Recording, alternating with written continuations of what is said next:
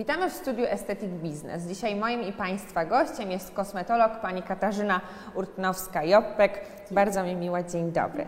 Porozmawiamy dzisiaj o mm, postępowaniu w przypadku trądziku różowatego. Szacuje się, że około 10% społeczeństwa e, cierpi na ten problem i występuje on znacznie częściej u kobiet e, niż u mężczyzn. Często podjęcie decyzji o jakichkolwiek e, terapiach gabinetowych jest trudne, ponieważ boimy się, że stan cery ulegnie pogorszeniu. Co w takim razie robić, żeby pacjent był zadowolony? Jak określić, czy mm, dana skóra, z którą mamy styczność e, u pacjenta, jest skórą naczyniową? Czym ona się charakteryzuje? Przede wszystkim cera naczyniowa charakteryzuje się obecnością właśnie teleangiektazji. E, oprócz tego e, często też obserwujemy, iż jest ona wrażliwa, często nadreaktywna. Zazwyczaj skóra ta jest cienka. Jeśli chodzi o typ cery, w większości cery e, są to cery mieszane, ale też w dużej ilości cery suche zazwyczaj. Powiedzmy może jeszcze reszcie, czym są te teleangiektazje, które często występują właśnie w przypadku cer naczyniowych. Teleangiektazja jest to taka prawidłowa nazwa na rozszerzenia naczyń krwionośnych i myślę, że tutaj też warto zaznaczyć, że nasi klienci, często my też popełniamy taki błąd i nazywamy je popękanymi naczynkami. Naczynka absolutnie nie są pęknięte, bo gdyby jednak naczynie nam pękło, no to byłby wylew po prostu, tak? Byłby siniak. Natomiast są to rozszerzone naczynia i naczynia prawidłowe, takie zdrowe, mają skłonność do rozszerzania się i obkurczania i wtedy powinny być schowane i pod naskórkiem praktycznie niewidoczne. A w momencie, kiedy widzimy już te żyłki prześwitujące, e, takie malutkie, fioletowe właśnie pajączki, klienci często mówią, że to są pajączki, e, no to wtedy faktycznie świadczy nam o tym, że to naczynie się na stałe rozszerzyło i prześwituje przez naskórek. E, Czym w takim razie charakteryzuje się trądzik różowaty? Czy występuje on zawsze w przypadku e, tych cer takich nadreaktywnych, naczyniowych? No bo jest to tak naprawdę choroba skóry. Jak ją rozpoznać prawidłowo w gabinecie, żeby później ten cykl zabiegów był e, odpowiedni? E, cera z trądzikiem e, różowatym jest trudna do rozpoznania i faktycznie my mamy z tym nadal problemy e, i to podłoże naczyniowe no to jest to główne. W tej chwili już wiemy, że to są patologie układu naczyniowego, natomiast współistnienie łojotoku jest tutaj też bardzo ważne, w związku z czym jeśli chcielibyśmy odróżnić cerę naczyniową zwykłą od cery z potencjalnym trądzikiem różowatym pierwszej fazy na przykład, no to faktycznie musielibyśmy znaleźć tutaj i współistnienie objawów naczyniowych i współistnienie objaw łojotokowych, ponieważ jest to choroba o podłożu łojotokowym, z grupy chorób łojotkowych. E, I myślę, że tutaj też trzeba, warto zwrócić uwagę na strukturę tej skóry. Skóra z trącikiem różowatym kontra normalna cera naczyniowa zazwyczaj też jest skórą grubszą, z zaobserwowanymi rozszerzonymi naczyniami, nie tylko naczyniami krwionośnymi, ale także gruczołami łojowymi. I te faktycznie takie popularnie nazywane pory rozszerzone, taką skórę e, pomarańczy też często tutaj możemy zaobserwować. Jak w takim razie rozpoznać e, trądzik różowaty w pierwszej fazie? Czym on się e, objawia? Pierwsza faza jest właśnie trudna do rozpoznania z racji tego, że jest taka mm, niecharakterystyczną. Jest to tak zwany flashing, czyli te napadowe e, rumienie, które mogą powstawać pod wpływem na przykład emocji, ciepła, stresu, e, również alkoholu czy spożycia ostrej e, przyprawy i on się tak objawia głównie w tej okolicy policzków, górnej części nosa, nazywamy to tak zwanym motylem i faktycznie przy cerach naczyniowych i nadreaktywnych również może być coś takiego obserwowane. Dopiero tak jakby nasilenie tego problemu, częstość tego problemu i, i siła tego rumienia strumienia oraz to podłoże łojotokowe dodatkowe byłoby nam dla nas wskazaniem, że to być może jest już trądzik różowaty. A postaci trądziku różowego jest kilka. W takim razie, jeśli już mamy pewne podejrzenia odnośnie pierwszej fazy, co się może wydarzyć dalej, jeśli nie zadbamy o skórę prawidłowo? Ten rumień e, przejściowy, czyli tak zwany flashing, może ulec utrwaleniu. I to już jest e, druga zdiagnozowana postać e, trądziku różowatego, czyli rumień utrwalony i widoczne teleangiektazje, już takie widoczne, widoczne żyłki. W trzeciej fazie mogą powstać, oczywiście do tej fazy nie musi dojść, ale u, u części z pacjentów będziemy już obserwować e, grudki i krostki. E, charakterystyczne, e, łatwo jest je rozróżnić od trądziku pospolitego, dlatego że one nie będą miały treści ropnej.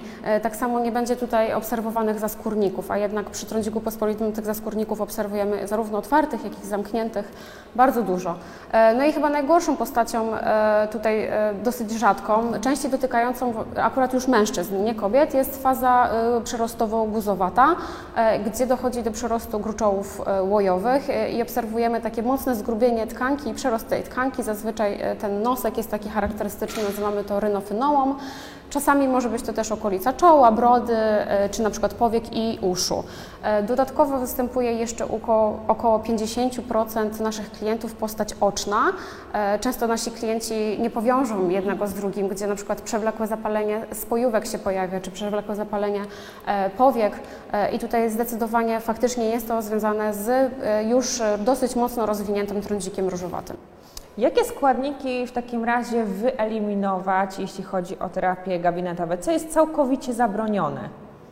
Zabronione będzie zbyt mocne podrażnianie tej skóry i zbyt agresywne jej traktowanie. W związku z czym tutaj te wszystkie mm, nasze zabiegi, jak również też pielęgnacja domowa, bo ja tutaj zawsze gdzieś tam moim klientom próbuję e, wytłumaczyć, że to, co my w gabinecie robimy, to jest taka mała Dokładnie, część. mała skala. Tak, a pielęgnacja domowa jednak to jest coś, co robimy na co dzień, e, kilka razy dziennie, w związku z czym tam musimy się skupiać na łagodzenie, na łagodzenie stanów zapalnych, e, na uszczelnianie naczyń krwionośnych, więc wszystkie składniki łagodzące, takie jak na przykład depantenol, alantoina, e, dodatkowo na przykład na uszczelnianie naczyń krwionośnych arnika górska, kasztanowiec pospolity, miłożom dwuklapowy, to są takie składniki, które często w tych kremach, w tonikach do pielęgnacji takiej cery będziemy obserwować. I też e, myślę, że warto tutaj zwrócić uwagę na kwasy. Kwasy nie tylko w zastosowaniu gabinetowym, zabiegowym, ale także właśnie w tej pielęgnacji domowej. I tutaj jako takie substancje przeciwzapalne, przede wszystkim uwielbiany przez nas kwas laktobionowy. Ostatnio dosyć dużo doniesień na temat e, glukonolaktonu e, i jak również kwasów już bardziej kojarzonych z trądzikiem pospolitym o działaniu właśnie przeciwbakteryjnym, ale delikatnym i niedrażniącym i tutaj głównie kwas azelainowy. No i z takich najnowszych doniesień już od jakiegoś czasu wiemy, że też kwas traneksanowy e, jako e, taki, taka substancja lecznicza, która wcześniej była wykorzystywana jako substancja przeciwkrwotoczna, dosyć ładnie nam będzie niwelować ten rumień i zamykać te naczynka krwionośne rozszerzone. Jeśli chodzi o zabiegi w gabinecie, wiadomo, każda kobieta czy mężczyzna, który w nim się pojawia, e, chciałby mieć taki mocny booster, więc każdy życzy sobie mezoterapię, głowę, stymulatory tkankowe. Co w takim razie w przypadku e, skór e, z trądzikiem różowatym? Czy musimy to całkowicie wyeliminować? Wszystko zależy od tego, na jakim etapie choroby klient do nas przyjdzie, no bo też tutaj może warto zwrócić uwagę na to, że takim rolą, ja jestem kosmetologiem i moją rolą nie jest leczenie, a pielęgnacja, e, ale też e, szybka diagnoza. I jeśli e, znajdę takiego klienta w młodym wieku, zazwyczaj kobieta około 20 któregoś tam, 20 któregoś roku życia, e, możemy też zaobserwować takie coś jak zaistnienie fazy prerosacea, czyli takiej fazy przed trądzikiem różowatym, gdzie ja już widzę, że jest to podłoże, bo jest już cera łojotokowa, bo są już jakieś zmiany naczyniowe, ale jeszcze tego rumienia napadowego tak właściwie nie obserwujemy. E, I to jest taka faza, w której właściwie możemy, możemy dużo, możemy zrobić te stymulatory, tak? możemy zastosować mezoterapię i głową. Natomiast e, cały czas gdzieś tam z tyłu głowy powinniśmy mieć e, taki, taką możliwość, że my tą skórę możemy nadmiernie podrażnić i możemy my, tak jakby jako zabiegowcy, być tym czynnikiem wywołującym tą chorobę. Także tutaj bardzo ostrożnie, w pierwszej fazie, takiej jeszcze nawet może tej przed, przed trądzikiem. Natomiast jeśli już obserwujemy, E, zmiany e, napadowe, czy nawet utrwalony lumień, no to możemy się ograniczyć strefowo. Czyli jeśli naszej klientce na przykład bardzo zależy na mezoterapii igłowej, na przykład okolicy oczu, bo widzi e, sińce pod oczami, bo widzi, że już ta okolica jej się starzeje, że ma jakieś pierwsze kurze zmarszczki, chciałaby troszeczkę to gdzieś tam podstymulować, to możemy miejscowo igłą owszem popracować. Natomiast nie wolno nam traumatyzować tkanek, które już są w stanie zapalnym, gdzie ta skóra jest naprawdę już nadreaktywna. E, a w stanie grudkowo-krostkowym, no to już faktycznie mamy dosyć duże ograniczenia. I jeśli mezoterapia, to raczej bezigłowa, elektroporacja. E, a dodatkowo no myślę, że dzisiejsza kosmetologia daje nam naprawdę duże możliwości i mamy bardzo fajne zabiegi bezdotykowe, nietraumatyzujące tkanek, nie rozgrzewające tych tkanek, bo my nie wolno nam ich rozgrzewać. I tutaj z dużym naciskiem myślę e, moją miłość oksybrazja z infuzją tlenową. To jest po prostu rewelacyjne, chłodzące, zimne zabiegi, które będą te stany zapalne w takich późnych stanach, już fazach trądziku różowego będą je uspokajać. E, no i dodatkowo oczywiście laseroterapia lasery pulsacyjno-barwnikowe emitujące światło zielone. Tutaj są takie najbardziej popularne do obkurczania tych naczyń krwionośnych e, oraz e, oczywiście terapia światłem LED też jest popularna jako takie dołączenie do innych zabiegów, jako dodatek. No i tak jak już wspomniałam, kwasy. Kwasy, kwasy to jest taka podstawa i wydaje mi się, że większość z nas, zabiegowców, nie tylko kosmetologów, ale dermatolodzy też już polecają w tej chwili terapie kwasowe i tutaj takim królem jest duet y, y, kwas laktobionowy z azelainowym i całe serie jesteśmy w stanie wykonać zarówno w pierwszej fazie, jak i w tych późnych fazach, po to, żeby właśnie gdzieś tam cofnąć. Na dobrą sprawę nie jesteśmy w stanie tej choroby zlikwidować, jesteśmy w stanie jej zapobiegać jej rozwojowi, jesteśmy w stanie ewentualnie cofnąć klienta z objawami do fazy e, poprzedniej. I tutaj też takim nowym hitem od jakiegoś czasu, gdzieś tam badania się pojawiają, jest także praca z retinolem i witaminą C, gdzie dużo zabiegowców myślę, żeby się obawiało zastosować takiej terapii, ponieważ ona jest dosyć intensywna. E, skóra właściwie podczas zabiegu się dosyć mocno podrażnia, zaczerwienia, skóra może także się złuszczać. Mm, natomiast e, w tej pierwszej fazie początkowej jeszcze rumienia mm, przemijającego myślę, że spokojnie można się o to pokusić, ponieważ zabieg sam w sobie będzie mocno odświeżał skórę, będzie poprawiał jej przebiegi, e, procesy fizjologiczne, jak również będzie właśnie działał na łojotok i na uszczelnianie naczyń krwionośnych. Także myślę, że warto spróbować. Natomiast musimy zawsze pamiętać o tym, że działamy zachowawczo e, i boimy się wywołać nadmiernego podrażnienia, jeśli już ta faza jest taka Aktywna. dosyć zaawansowana. Tak. Czyli w takim razie musimy mieć bardzo dobry kontakt z klientem, który będzie współpracować, bo ważne w przypadku trądziku różowatego przede wszystkim jest i pielęgnacja, i dieta, która niestety, ale Podejście objawy... holistyczne, tak to ładnie nazywamy. objawy może e, zaognić. Tak i tych czynników zaogniających, zaostrzających chorobę jest dosyć dużo i o tym warto pamiętać i żeby ta terapia była taka od A do Z, porządna, to niestety nie może być tak, że klient się zdecyduje przyjść na przykład tylko do gabinetu kosmetologicznego. My musimy współpracować i jest niezbędne to podejście właśnie takie całościowe. Wysłanie klienta do dietetyka, sprawdzenie, czy nie ma nietolerancji pokarmowych i alergii e, pokarmowych, ponieważ e, tutaj takie współistnienie w, czy jako czynnik etiopatogenetyczny już został wykazany. No oczywiście genetyki nie prześcigniemy, a taki czynnik e, też już jest udowodniony.